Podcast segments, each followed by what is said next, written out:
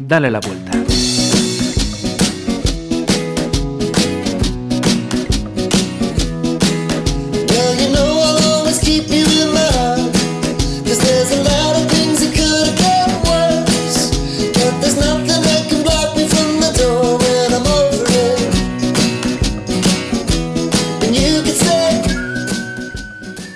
Aquí estamos de nuevo para darle la vuelta aquellas cuestiones eh, de las que vamos hablando y creo que hoy le vamos a dar, si no todas, por lo menos unas cuantas, a un tema que ya habíamos tratado aquí. Primero de todo, parte fundamental de este programa. María González, bienvenida. Gracias. Decía que ya habíamos tocado este tema de la maternidad, eh, maternidad eh, subrogada.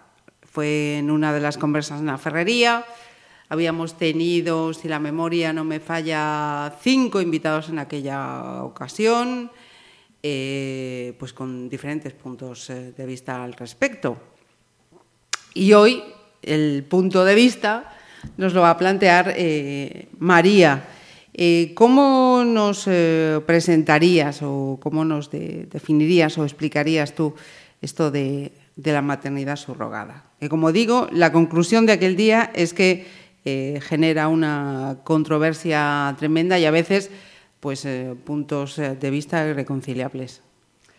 Pues como aquí hemos venido para dar la vuelta y yo voy a hacer de los distintos personajes que soy, que soy muy polifacética, como sabéis, pues madre, mujer, matrona, ser humano, pues todo ello me acompaña pues vamos a verlo desde todos los puntos de vista, a ver qué sale de aquí. Entonces, eh, me preguntabas, ¿qué es esto de la maternidad subrogada? Pues es una maternidad que se da, ¿no? que antes se llamaban los vientres de alquiler. Entonces, es una maternidad que, una gestación que gesta una mujer que no es en ocasiones la madre biológica de la criatura, que puede ser a través de óvulos, o, eh, óvulos no, gametos, que no son de ella, es decir, el óvulo espermatozoide eh, son de otras personas, que pueden ser los padres adoptantes de esa criatura o no, pueden ser ajenos, pero los padres adoptantes incluso pueden ser otros, porque se pueden hacer con óvulos y espermas de donantes. O sea, hay una variedad, mucha variedad. Eh, esto de que ahora llamamos maternidad subrogada, que decías tú antes se llamaba eh, vientre de alquiler, eh, eso significa que mm, esto no es algo que ha surgido ahora en el siglo XXI ni en el siglo XX. No, lo que pasa es que vamos afinando, nos ponemos románticos, nos ponemos científicos, subrogación, maternidad subrogada. Antes era más prácticos, no había tanta ciencia, le quitábamos menos al lenguaje, decíamos vientre de alquiler y antes del vientre de alquiler, pues estaba él, nos vamos a estar calladitos, pero o fillo de otro, ¿no? O de otra. Es decir, pues el, el, caso en donde pues los hombres eran estériles por lo que fuera, no podían tener hijos y en las parejas se decidían que sí que era una ansia de los dos y la mujer iba con otro hombre que, daba el permiso al marido, ¿no? Iba afuera, a otro pueblo, a otra ciudad, o depende, a veces son amigos que le hacían ese favor de mira, y pues se quedaba embarazada y, y pues decían que era de la pareja, y ya estaba. O abuelas que gestaron para sus hijas porque no podían tener hijos y tuvieron el hijo y, lo pusieron a nombre pues, de la hija y se hizo cargo la hija, que a veces era al revés, es decir,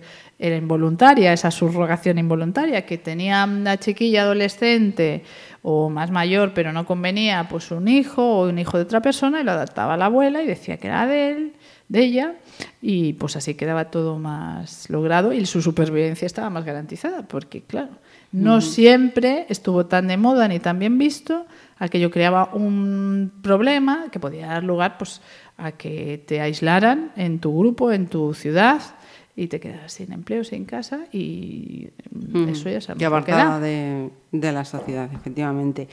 Em, viéndolo desde un punto, otro punto de, vista, los seres humanos somos los únicos eh, que nos reproducimos de esta manera. Sí, a través del vientre de alquiler, eh, porque científicamente, pues claro, tenemos probetas y la inseminación, la sexy, bueno, unas determinadas técnicas que hacen que nosotros podemos generar embriones en laboratorio e implantarlos a las mujeres para que luego se dé la gestación. Eso los animales no tienen neocortes y no, no llegaron a conseguirlo, eh, pero nosotros sí. Entonces, hablando de la maternidad subrogada, eh, la gente me pregunta su opinión, incluso eh, entre compañeras, mujeres y demás, pues no, es un tema que está ahí y pues hablamos, oye, ¿qué te parece a ti? Yo como todo, eh, le doy una vuelta. Y como todo en este programa, va a pasar por el mismo sitio. Los seres humanos no somos cuerpos, simplemente. Ese neocortes del que te comentaba, pues nos hace diferenciarnos de distintas especies animales y nos da el poder de la autoconsciencia, de reconocernos a nosotros mismos y poder actuar sobre el ambiente, es decir, pues yo sé que soy una mujer, me llamo María, pero hay más mujeres, tú estás aquí, Marisa, hay hombres, todos somos seres humanos, pertenecemos a la misma especie y nos da una facultad de autoconsciencia, valores, etcétera, con la que vamos a vivir y construirnos a nosotros mismos y nuestro alrededor, nuestra forma de vivir y nuestras sociedades. Bueno, pues esto es fundamental en el ser humano. Lo que pasa es que a veces también nos atrofia e intentamos eh, pasamos por encima o dejamos, en mi opinión, los valores fundamentales eh, eh, afuera y todo lo convertimos en como una rutina mecánica. Pues si ya sabemos hacer bombas, ¿no? O como el que descubrió lo de la bomba atómica, atómica, perdón, que su finalidad no era hacer una bomba para destruir a nadie, sino que tenía un potencial de ayudar y de descubrimiento para generar energía de otras formas diferentes. No pienso en ningún momento, después veo cómo se torció todo el ambiente hacia ahí, a que fuera a matar miles de personas. Eh, pues en la ciencia resulta que descubrimos que, que, podemos llegar a hacer eh, embriones, es decir, podemos juntar, podemos dar el propicio y venga, y luego pasarlo a una mujer y que se geste, y ya lo queremos exportar como si fuera lo más normal del mundo, ¿no? Y darles, pues, unas connotaciones y un, comercio. Hacemos de ello un comercio. Pasamos a pasarle por unas normas exentos de valores muchas veces. O con unos valores realmente peculiares, que, que, desde luego pues crean mucha... Es peculiares, a mí no me gusta ni bien ni mal, ni yo tengo la posesión de la verdad, pero realmente ves que generan mucho conflicto al ser humano y entre los seres humanos. Y si genera conflicto y no mejora, pues habrá que darle la vuelta. Esa sí que es mi premisa. Y entonces, una vez más, voy a usar mi premisa aquí, ¿no? Entonces, la, la maternidad subrogada, ni siempre, ni nunca, ni de cualquier manera. Organizada, evidentemente, si se está haciendo, eso quiere decir que los seres humanos entendemos y queremos utilizar eh, pues esa forma, esa nueva posibilidad que se ha creado.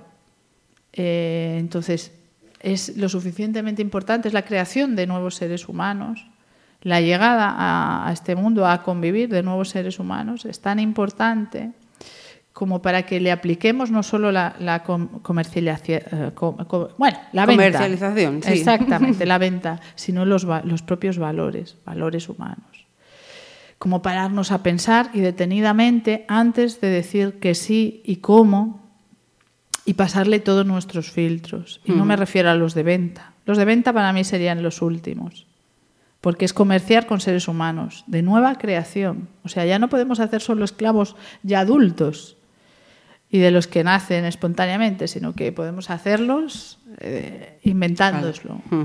Y así. Había, había una palabra que sonó en esa tertulia, yo me acordé de ti en aquel momento. Eh, yo creo incluso que había sido efectivamente el ginecólogo el que sacó a la luz la palabra epigenética. Eh, eso se traduce en unas consecuencias en esa criatura que nace, ¿no? Claro, la epigenética nos acompaña a todos. Es algo nuevo de lo que se empieza a hablar, aunque no es tan nuevo, ya lleva unos cuantos años, pero bueno, desde que lo conocemos hasta que lo aplicamos, hay ciertas cosas que, como no se le da mucho valor, se tardan. Bueno, pues la epigenética eh, lo que viene a decir es que no es solo que mezcles, para este caso de la maternidad, que mezcles y crees un embrión de un óvulo y un espermatozoide, que no va a llevar solo esa información, que que, la madre que gesta y las circunstancias que acompañan a esa gestación van a afectar y determinar a ese bebé que se está creando, no solo los genes, está por encima de los genes. Es decir, esto lo trataban el otro día eh, en vuestra conversas na ferrería, ¿no? En cuanto a utilizar, porque se están utilizando a mujeres menos favorecidas en condiciones de, de explotación hay otras que son más favorecidas, que están más favorecidas, es decir, bueno, pues que lo hacen porque consideran que lo deben hacer y que deben ser percibidas y ya tienen una vida pues más organizada, a pesar de que lo, hay un negocio de por medio uh -huh. y se van a beneficiar, pero en debida forma, que decía mi abuela, no así un poquito como las menos favorecidas, sino en debida forma, ¿no? Por traer ese bebé al mundo.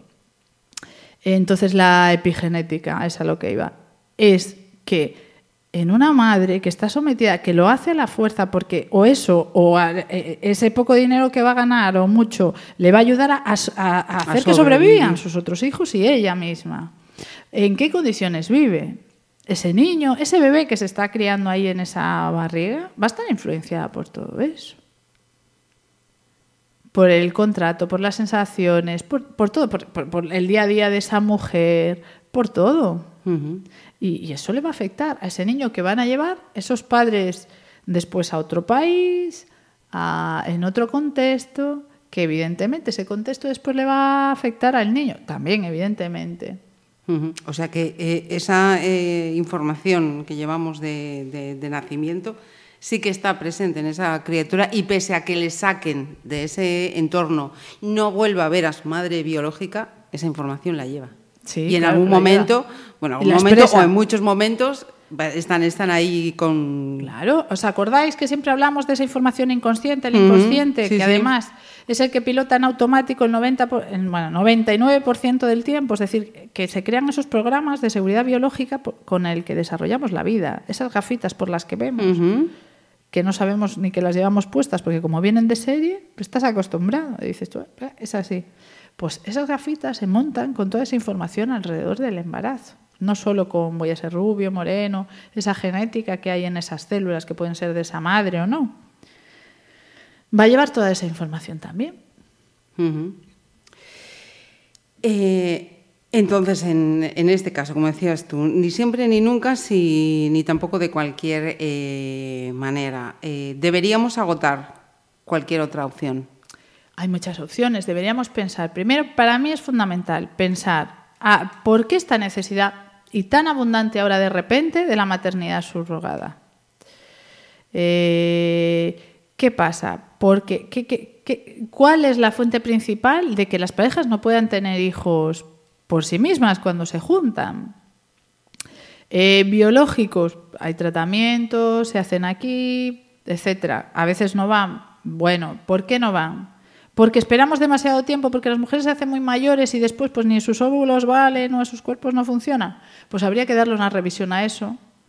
¿Y por qué esperamos tanto para tener tantos hijos? Igual hay que revisar, como siempre, el sistema eh, no, no capitalista, sino de organización del dinero, del trabajo y hacer un mundo más justo. Sé que suena un poco utópico, pero habrá que darle una vuelta también. Uh -huh. Si, si, es porque resulta que no tenemos pa somos pareja de hombres y ninguno de los dos puede gestar. Ahora sí podemos ser pareja, porque eso sí que ha sido un gran cambio, ahora es aceptado, tiene unas leyes, unas normativas. Mm, entonces, preguntarnos, Mm, si vamos a ser dos parejas de chicos, o sea, somos chicos y no vamos a poder tener hijos eh, con una uh, mujer porque no vamos a mantener relaciones sexuales o vamos a tener una pareja um, mujer, bien, pues tendríamos que darle una vuelta también a esa necesidad de ser padres. A ver eh, de dónde viene ese deseo, ese fervor de esa paternidad y de esa paternidad exclusiva. Es decir, que uno de los dos, porque los dos no van a, bueno, pueden embarazar a distintas mujeres y tener hijos de los dos también. Pero bueno, digo yo, no sé, a lo mejor también se puede hacer seguro que dos maternidades subrogadas a la vez, uno de uno, y tener pues dos niños, que seguro, vamos, en algún caso estoy yo pensando que sí, igual conozco, uh -huh. más vistoso y menos vistoso, de conocido. Sí, sí, no hay eh, artistas, creo que Miguel Bosé claro, recurrió a ello, Ricky Martín recurrió a ello. Sí, sí, pero ellos son ellos mismos, de ellos mismos, eh, Con una mujer. Con una mujer. Que tienen además de varias tandas, es decir, muy próximos. En menos de un año, eh, ¿no? Miguel Bosé tuvo cuatro hijos. Vale. Entonces, es decir, eh, esos cuatro hijos, ¿qué edad tengo yo? ¿Cuánto voy a vivir? Así más o menos, que no, nadie lo sabe, pero si empiezas con 50, con 60, ¿qué esperanza media? Ya sí, por calcular, media, que luego te puede salir pues, o más corta o más sí, larga. sí, sí. Eh, ¿Qué sostén va a tener esa criatura? ¿La criatura importa o es ser padre por encima de todo? O sea, que habría que darle una vuelta a ver ese deseo de la paternidad dónde está. ¿Por qué mío? ¿Por qué tengo que tener un bebé? ¿Y por qué tiene que tener mis genes? ¿Por qué no se puede regularizar en condiciones pues, eh, para que adopten parejas homosexuales, de mujeres y de hombres? Hay un montón de niños en el mundo eh, necesitados seguro de ayuda económica, de caricias, de abrazos, que están abandonados por ahí, por, por su tierra, por las calles. Sí, sí. Por no hablar del Mucho. tráfico de mercado de órganos que se hace también con niños, niños que se mandan a las guerras. Es decir, hay un desequilibrio tal, o yo, al menos, no sé, a lo mejor soy yo, vi un desequilibrio, es decir, en una parte del mundo eh, pilotamos de una manera y en otra parte del mundo casi que de la otra. Aunque en realidad después somos muy parecidos. Si lo analizas, la base Es la misma. es la misma. Entonces, unos hacen hijos propios para mandarlos a la guerra, otros hacen hijos propios para que les ayuden, otros hacen hijos propios para ver un reflejo, dejar una huella en este mundo y, y poder hacer o vivir lo que ellos no vivieron o ellas no vivieron, porque no solo los hombres, también las mujeres. sí, es sí. decir, entonces, todo esto habría que darle una vuelta y, se- y a la hora de legislar también ir a las causas, es decir, a ver, lo- las ideas y la- los frenesís compulsivos de la maternidad, y más de última hora de, ay, se me está acabando la mecha, ahora sí, sí, sí, sí, ahora ya no va, bueno, pues ahora de cualquier manera, pues también habría que darle una vuelta, porque ese bebé se queda aquí. Ujú. Ese bebé, que luego va a ser un niño y luego va a ser un adulto, requiere un sostén, una familia. Su familia, cuando él tenga 30 años, ¿cuántos años tienen? ¿Vienen a cuidarlos a ellos de viejos? O ya muertos, a ponerle flores en el cementerio o donde se quieran incinerar, etcétera. Ujú. Esa estructura, ¿no? No es solo nacer, también es luego vivir, ver las causas. ¿Qué pasaba con la, mm, la señora de 60 años que tuvo a los, a los mellizos? Pues o a los que hace menos de siete días ya han retirado la última de las criaturas. Ya habiéndola retirado previamente la primera. Y se va a otro país, claro, donde no tienen ni expediente, que no sé si lo tiene aquí, que seguramente, porque si te ya han retirado la custodia de un hijo, sueles tener expediente eh, justificado con causas, etcétera. Y te vas a otro país y es tan fácil criar un niño. Sí, no, eh, en este caso ha sido fácil. El problema es ese, que ya por, por dos ocasiones la Junta ha tenido que intervenir y le ha retirado la, la custodia. Claro, y con 60 años, ponle que no le hayan retirado la custodia. Pongamos otro caso de 60 que va y no le retiraron la custodia. Que, que- que nada, que puede criar o que el trastorno que tenga o el problema económico o la, la mezcla de todo lo que tengan, porque para quitarte el bebé primero te dan un apoyo, un cierto pseudo apoyo para que pueda criarse contigo. Sí, sí. Con 60 años, ¿qué se te olvidó? ¿Qué tan importante tenías que hacer? Y tan importante es ahora como para traer a un bebé al mundo forzando, porque eso ya no está dentro de las leyes de la naturaleza, ni de esto, ni de lo otro. Hombre, yo ahí en mi caso, mm, y con todos los respetos, sin ánimos de ofender a nadie, es egoísmo puro y duro. No lo sé, eh, habría que preguntárselo a la persona, no, no podemos hablar por nadie, pero deberíamos pensar en los bebés, porque cuando com- comercializas o mercantilizas, el bebé se, se- se- el bebé, que es un ser humano, se convierte en producto. Y después ves los carteles de las ferias de maternidad subrogada, que como producto, derechos de, de evoluciones, de 90, en seres humanos. ¿Eso cómo lo habríamos llamado en otra Qué época? horror. yo no soy a favor ni del bien ni del mal, ni utilizar esas palabras, pero démosle una vuelta seriamente, analicemos las causas. ¿Estamos retrasando la maternidad? Hay que darle una vuelta. Pues eso tenemos que, o sea, tenemos que buscar las causas por las que se retrasan y, atajar. Eh, que ahora el ser homosexual tiene ya sus reglas. Mejorar las reglas si es que están aún todavía muy endurecidas como para que eh, no son correctas para que puedan desarrollar ese faceta de padres al que tienen derecho. Mira, en, otros programas sí que hemos encontrado pues eh, libros, vídeos que ilustren. Imagino que en este caso sí que será más complicado, ¿no? Que nos puedas remitir a pues alguien que haya escrito o a alguien que Mira, podemos hacer una cosa, podemos eh, recordarles que yo creo que era mm, la más imparcial ¿no? y con una formación tremenda al respecto, que busquen por internet Diana Marre, la antropóloga, aquí la antropología y las distintas culturas y distintas costumbres, antropo viene de hombre, de seres humanos, con respecto a la maternidad y la paternidad, y cómo han llegado, ¿no? Y cómo se cuidan a sus hijos, y las distintas formas de cuidar a los hijos, que son mm, respetables y, y diferentes en cada cultura, y está bien. Como decía ella, que me gustó mucho, también hay mujeres que tienen hijos para no, para no quererlos, o sea, para no quererlos, para no tenerlos, para dárselos a otros, porque en realidad no quieren. Y los dejan, y se dejan en orfelinatos, se dejan ahora en las consejerías, es decir, eh, los da por distintas circunstancias. Y está bien, o sea, no, no es cuestión de criticar a nadie, sino que con lo que ya tenemos, no crear más conflicto. ¿Cómo podemos resolver y resolver?